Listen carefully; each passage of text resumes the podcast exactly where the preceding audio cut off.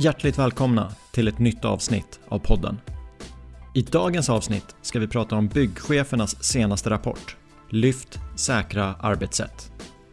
Rapporten, som bygger på en Novusundersökning och som är representativ för samhällsbyggnadssektorns chefer, visar tydligt att branschen gör tvärtom mot det som enligt forskningen är det mest effektiva alternativet för att skapa en stark säkerhetskultur. Det mest effektiva är enligt forskningen att lägga mest tid på att förstärka säkra beteenden. Men vi i branschen lägger nästan uteslutande vår tid på att prata om avvikelser och disciplinära åtgärder. Endast 2% av cheferna i undersökningen anser att det är vanligare att man förstärker säkra beteenden än avvikelser.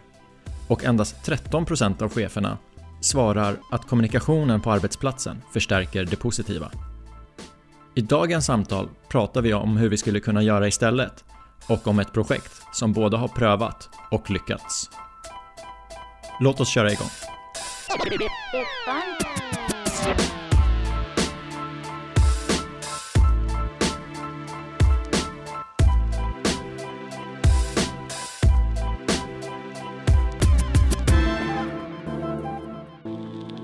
Varmt välkomna vill jag hälsa till Kajsa Hessel, Erik Matton och Thomas Lindekrantz.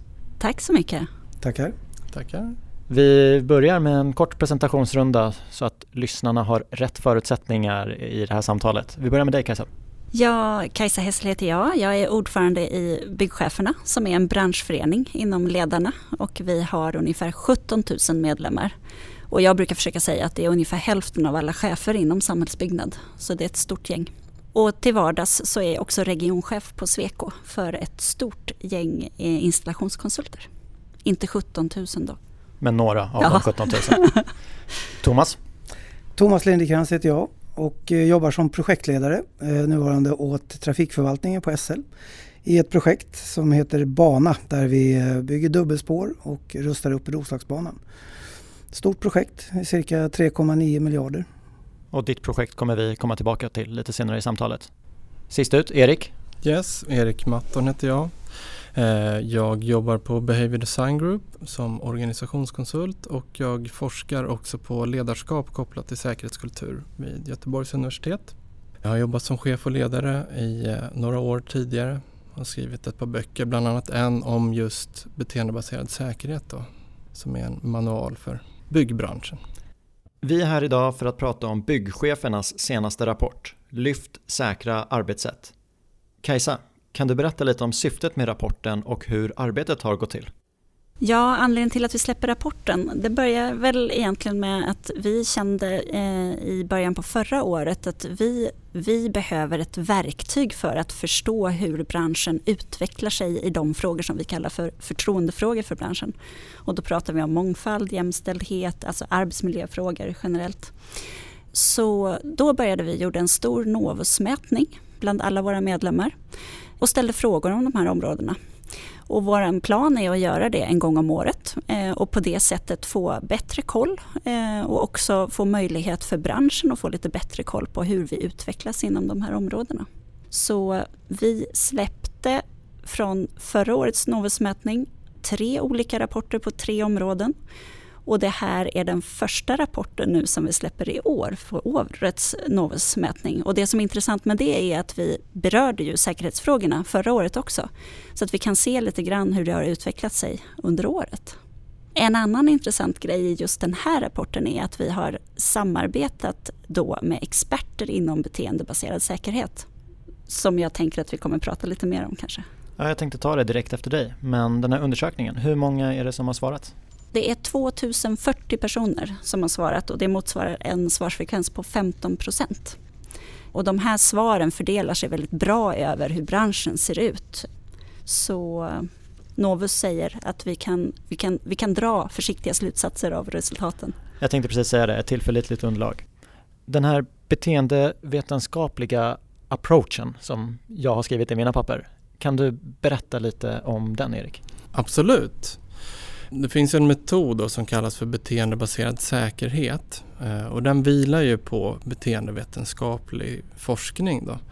Och då utgår man ifrån vad som påverkar mänskligt beteende? Vad driver mänsklig motivation? Och då kan man, om vi ska beskriva det så enkelt som det går, så kan man säga så här att vi människor beter oss av två anledningar egentligen. Antingen så gör vi saker för att vi har någonting att vinna på det, att någonting gynnsamt händer. Eller så gör vi saker för att undvika obehag, för att jag måste. Så det ena är för att jag vill och det andra är för att jag måste. Och något exempel på det då, om vi sitter och betalar räkningar till exempel. De flesta tycker inte det är superkul, man är inte jättepeppad när man ska göra det. Men jag måste göra det och då gör jag det i regel. Då. Eh, när jag är klar med att ha betalat räkningen så kommer jag förmodligen upphöra med det beteendet för att det är ingenting jag vill. Jag sitter liksom inte kvar och pysslar med liknande beteenden. Det här måste motivationen, den brukar man beskriva som att det är negativ förstärkning. Jag gör saker för att undvika något obehagligt. Beteenden som drivs av positiv förstärkning, då är det saker som, som jag upplever som gynnsamma konsekvenser. Då.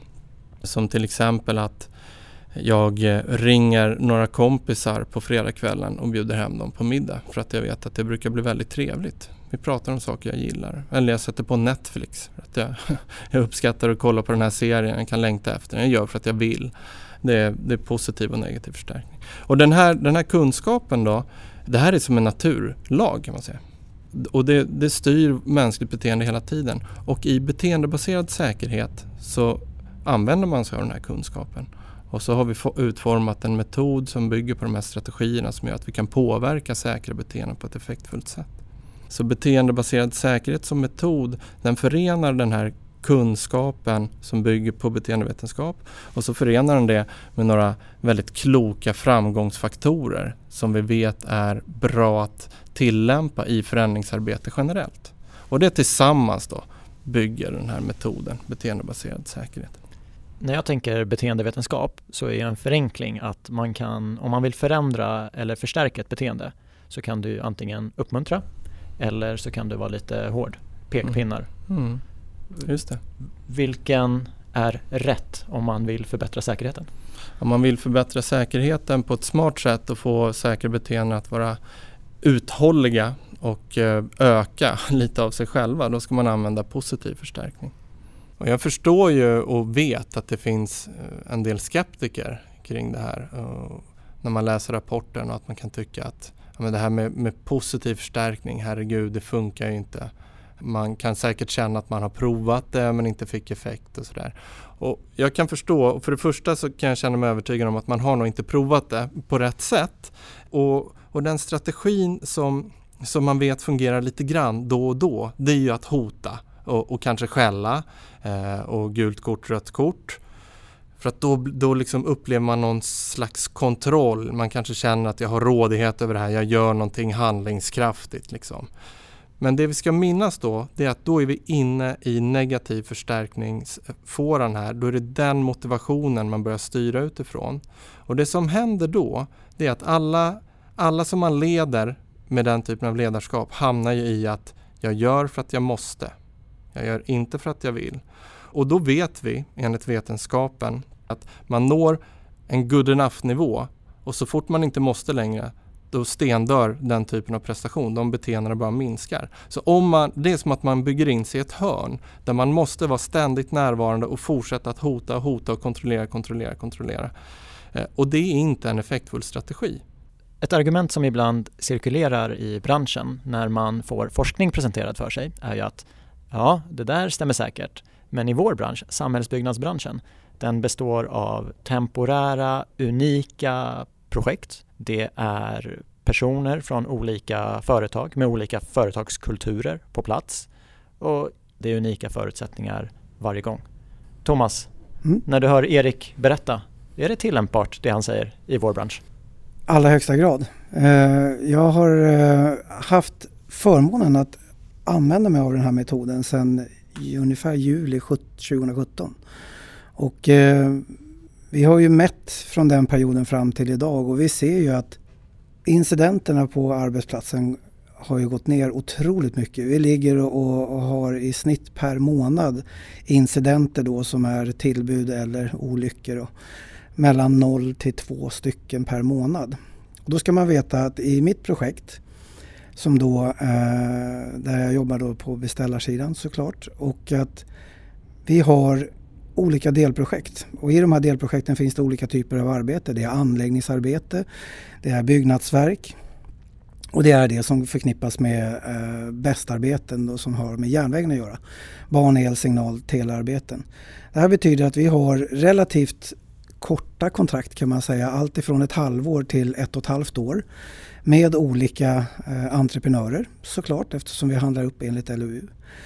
Så här är väldigt intressant att just det som du nämner nu Nima är att det skulle vara så unikt i den här branschen eller att det är att vi jobbar på olika sätt. Där man har olika typer av kulturer från vilket företag man jobbar i eller som entreprenör eller på beställarsidan givetvis. Då. Och det är klart att det, det stämmer ju. Men det som den här metoden gör och som jag tycker är väldigt bra det är att vi på beställarsidan i mitt projekt tar över eh, ansvaret och sätter ribban. Vilken nivå på arbetsmiljö vill vi ha i vårt projekt? Och det här är ju någonting som vi är tydliga med när vi går ut på upphandling. Så att det är klart för entreprenören som lämnar anbud att så här jobbar vi.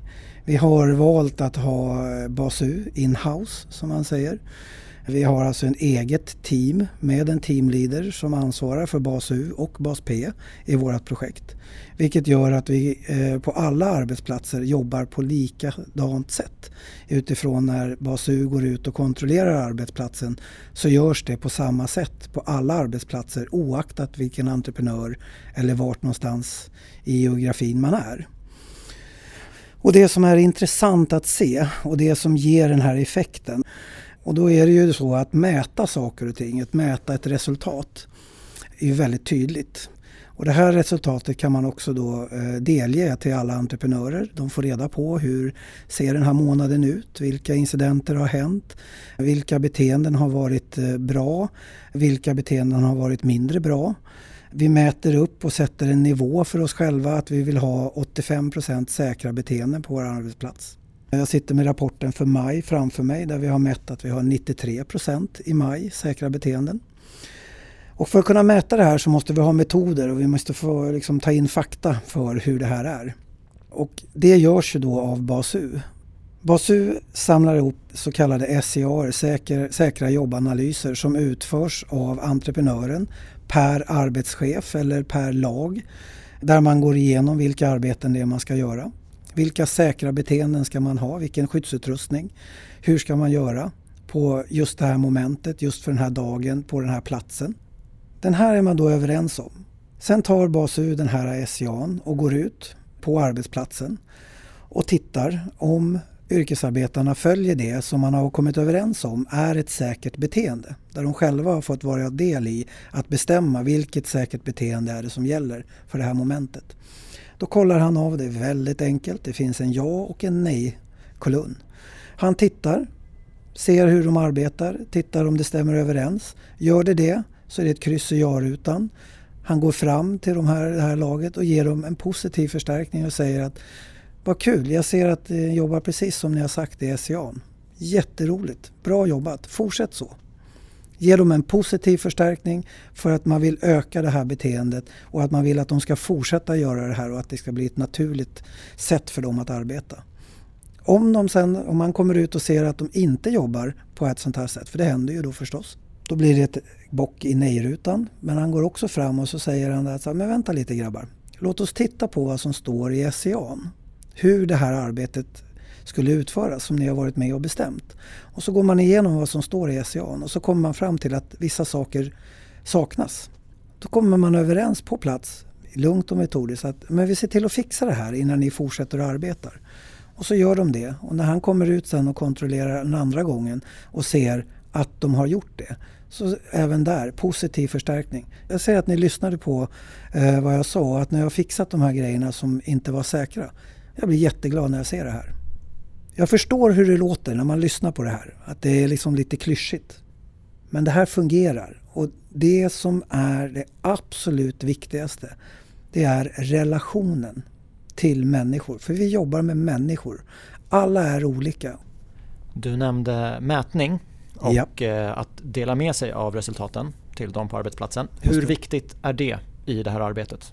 Jag skulle vilja säga att det är jätteviktigt. Och nu pratar vi om att dela med sig av den här mätningen. Det betyder att alltså hela vägen upp uppifrån, eh, som i mitt fall. Jag rapporterar ju vidare uppåt. Alla har ju vi en chef. Så att vi rapporterar uppåt. I de rapporterna jag lämnar så finns det här med.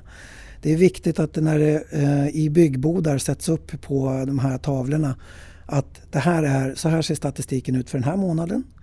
Så att yrkesarbetarna kan se att liksom, okej, okay, så här ser det ut. Toppen, då vet vi. Vi ligger liksom på den här statistiken. Man kan använda det här och känna att ja, men vi är duktiga. Jag fortsätter att göra mitt bra jobb. Jag får en positiv förstärkning av det. Alla ska få informationen för att förstå att det är viktigt. Det är intressant att du tar upp relationer för att ofta i, i min fråga så sa jag unika temporära fabriker. Det är ofta det som lyfts fram att det, det är där vi har utmaningar. Och även om olika beställare eller entreprenörer vill jobba så lika som möjligt mellan sina arbetsplatser så finns det ju ganska många beställare och entreprenörer i Sverige. Det gör det, men, men det är ju också sant att vi har kanske, jag vet inte exakt hur många, men jag skulle uppskatta ungefär 30 000 chefer i vår bransch. Det är många tusen men det är inte hur mycket folk som helst. Och då pratar vi chefer alla nivåer, arbetsledare till VD. Eh, och att nå ut till de här 30 000 tycker jag är en branschgemensam fråga med, eh, med vissa grundläggande bitar inom ledarskap till exempel.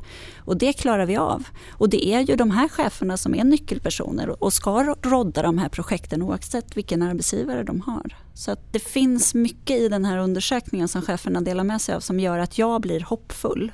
För att jag kan ju se att jättemånga chefer redan idag har säkerheten högst på agendan till exempel. Eh, man jobbar stenhårt för att involvera alla i säkerhetsarbetet. Eh, men vi har ju inte sett att vi når nollvisionen, alltså snarare tvärtom. Och sen 2010 så har vi 90 personer i vår bransch som har dött. Eh, och, jag menar, jag tänker mer att vi har en möjlighet här Ehm, att sprida budskapet om en metod som fungerar.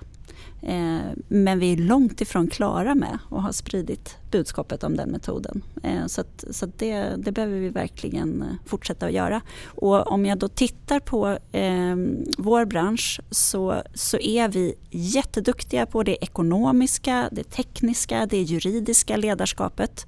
Eh, men vi har inte fokuserat enligt vår mening särskilt mycket på det på det ledarskap som handlar om att leda människor och hur vi ska utnyttja då till exempel den beteendevetenskapliga forskningen i det. Jag, vet, jag försöker tänka lite pragmatiskt på det där Nima. Om jag försöker göra en övergång till eh, människor och relationer så kan man läsa i rapporten att eh, enligt eh, en studie så inträffar ungefär 2,5 allvarliga arbetsolycksfall per tusen sysselsatta i Sverige. Den siffran för en snickare är 11,9 vilket innebär att snickaren toppar den här listan för tredje året i rad. Och då blir jag lite fundersam för att de byggarbetsplatser jag besöker, det är ett byggstaket, det är en grind med där du ska blippa ditt kort oftast. Det är skyltar om vilken utrustning du ska ha på dig. Det är varningskoner, det är skyltar. Eh, jag får inte ihop ekvationen riktigt. Kan ni, kan ni hjälpa mig? Varför ser det ut som det gör? Bollen är i luften. Ja men absolut. Eh, och för mig är det inte konstigt. För om vi också då eh, kikar på vad som driver det mänskliga beteendet återigen då. Och man kan säga att riskfyllda beteenden är i naturen naturligt förstärkta. Och vad sjutton menar jag med det? Kanske låter som Mattias. Men om man säger att, eh, att ta det säkra alternativet att säkra sig med helkroppssele innan man liksom går upp på, på hög höjd. Ja, det tar ju lite tid. Och det kan kännas lite omständligt och lite bökigt att liksom häkta på sig den här utrustningen. Då. Och då betyder det att det trillar ut ett par minustecken för mig vilket gör att jag har ett litet naturligt motstånd för det.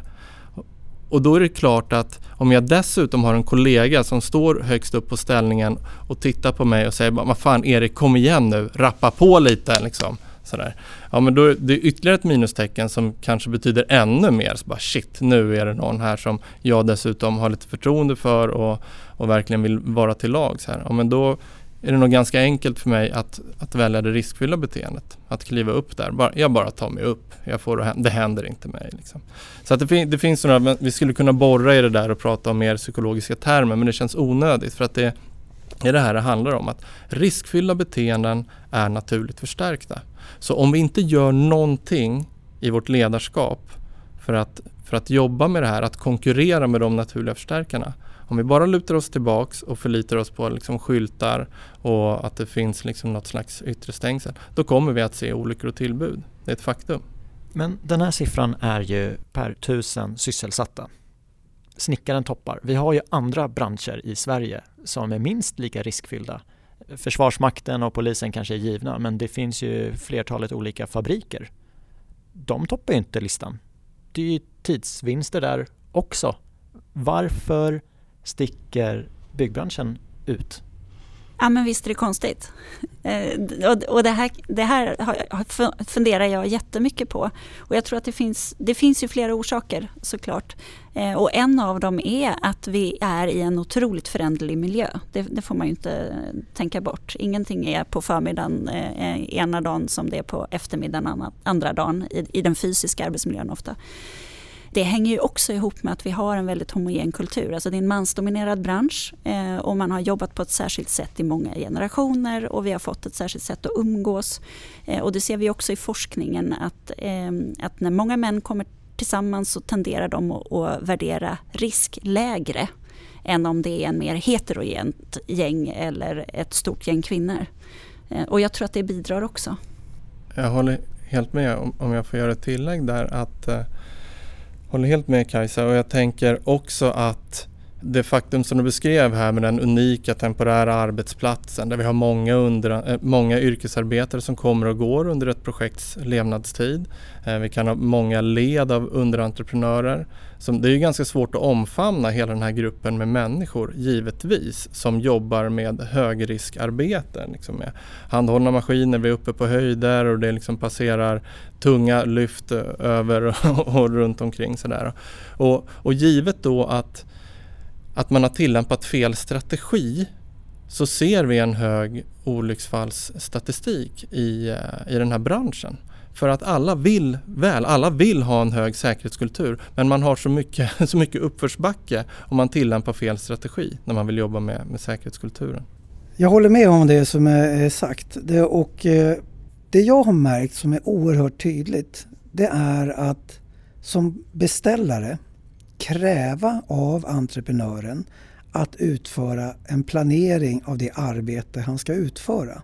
Hela vägen ifrån att man ska göra sin arbetsberedning som klart tydligt pekar på för att uppnå den funktion och kvalitet som är ställt i kontraktet. Men även kopplat till arbetsmiljö. Som ett tillägg till det, göra de här SCA-erna gör att även om man kan tycka att men herregud ska vi hålla på med det här? Fasiken det tar ju tid, vi måste ju ut och bygga, vi har ju en tajt tidplan. Den här SCA'n den tar någonstans mellan 5 till 10 minuter varje morgon att utföra. Att ta den tiden att planera tillsammans med gubbarna gör att de vet vad de ska utföra under dagen. De behöver inte stressa ut till sin arbetsplats, komma på att de har glömt grejer. Och så står de andra grabbarna som har kommit ihåg den här grejerna som säger men fan kom igen nu då, kom upp nu. Vi måste komma igen, vi ska vara klara med det här. Om de får lugn och ro, planera sitt arbete, vara med i planeringen och ta del av hela kedjan. Vad vill beställaren med det här arbetet? Vad vill min platschef med det här? Vad ska vi uppnå? Vad vill min arbetsledare? Och att man känner att okej, okay, de lyssnar på mig när jag får göra den här SCA'n. Det här, så här vill jag utföra arbetet säkert. Och att man ger dem den tiden. Vinner du tusenfalt i andra änden. Både när det gäller kvalitet, ekonomi, tid och framförallt arbetsmiljömässigt. Därför att då minimerar du incidenterna.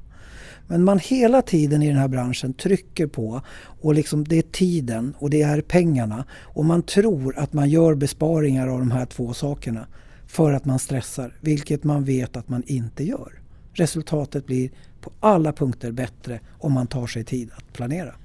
Men jag tror att du kan ju gå till vilken chef i byggbranschen som helst och säga så här. Har du 5 10 minuter på morgonen till att göra ditt projekt ännu bättre? Ja, de flesta säger ja.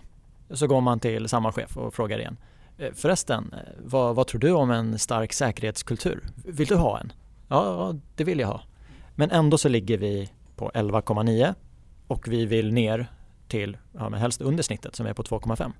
Kan vi komma dit med bara positivitism?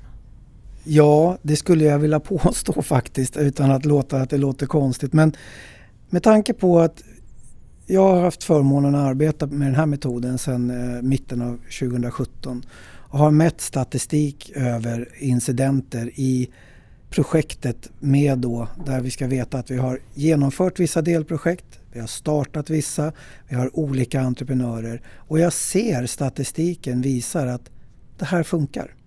Det funkar på riktigt.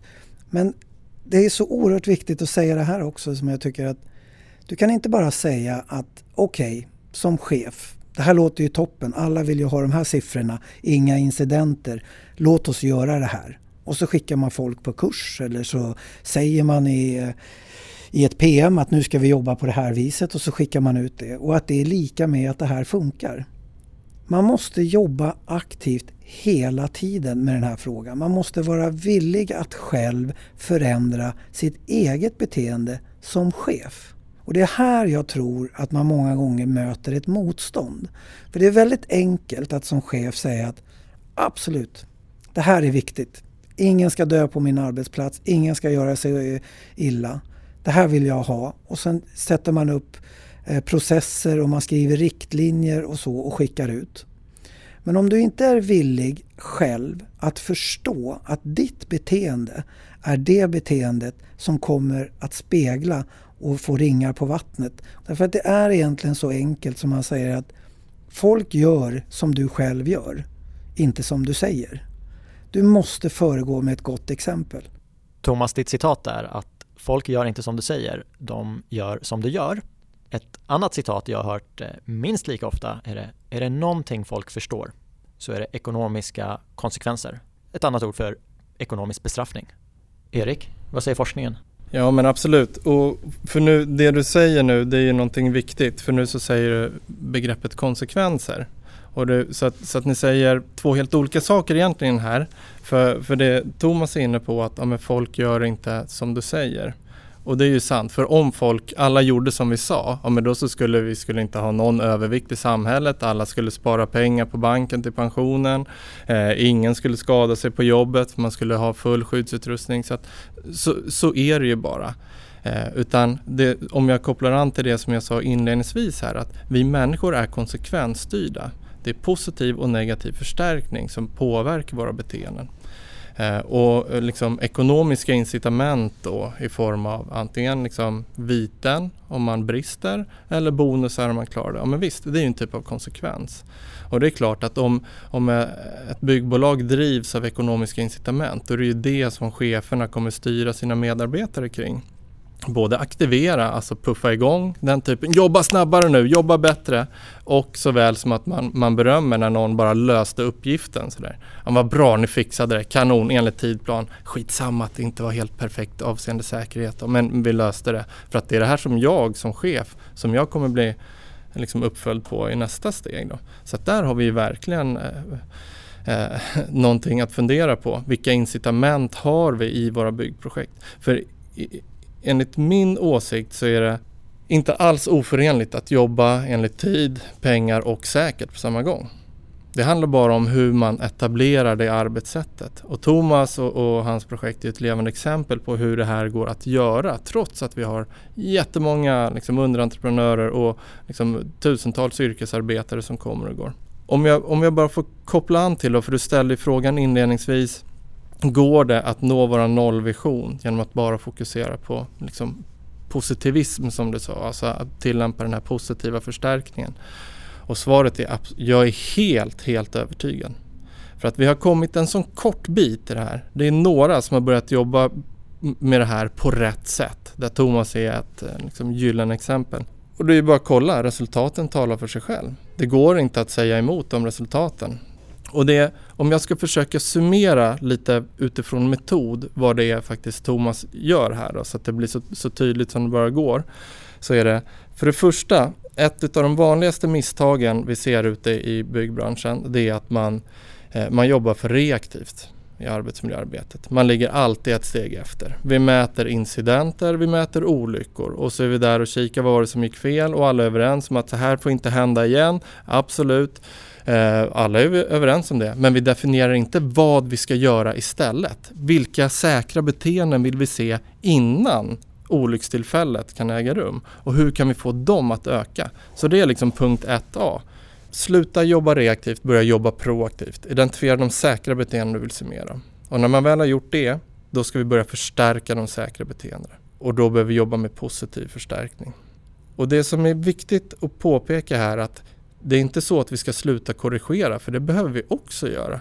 Vi kan inte bara passera ett riskfyllt beteende för att då blir det som att liksom förstärka det. Då säger vi att då är det fine. Och det är det inte. Men då gör vi det på det sättet som Thomas beskriver här. Vi går fram, vågar ta den dialogen.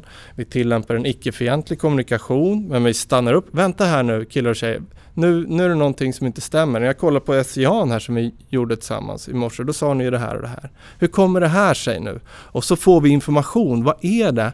Men, så det är en väldig skillnad på det här med att jag korrigerar, det måste vi göra. Det behöver vi göra titt som tätt, men vi gör det på ett sätt för att vi fortsätter bygga relation och jag är uthållig som ledare och vågar och orkar gå in och, och bryta i de situationerna där jag ser att det är riskfyllt. För att hela tiden jobba med att göra det enklare att tillämpa de säkra beteendena hela tiden. Och sen är jag en superhjälte på att förse dem med, med positiv uppmärksamhet när jag ser att de gör rätt saker.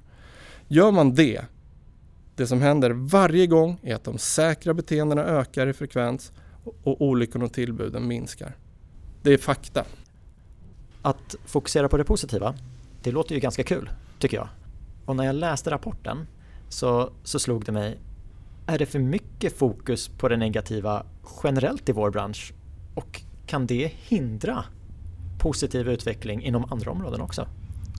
Ja, säger jag med ett utropstecken och jag tror inte att det gäller enbart för vår bransch utan jag tror att det gäller generellt att vi eh, tenderar att fokusera på det negativa. Och någonting som jag fick världens aha-upplevelse av i arbetet med just den här rapporten och undersökningen det var det här att det faktiskt inte går att skapa ett önskat resultat genom att fokusera på det som inte är önskat. Men Alltså det är ju bara att gå till min egen chefsvardag. Det är klart att jag gör det jättemycket. Jag har mycket enklare för att fastna i ett problem än att eh, jobba med det som vi önskar oss ska ske längre fram.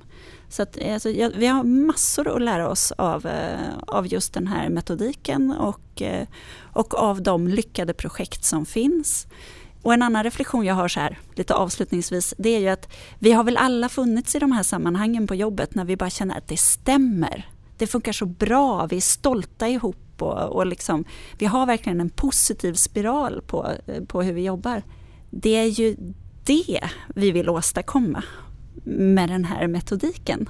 Och, och, och får vi en kritisk massa av oj vad det stämmer så tror jag att vi kan se en ganska snabb utveckling.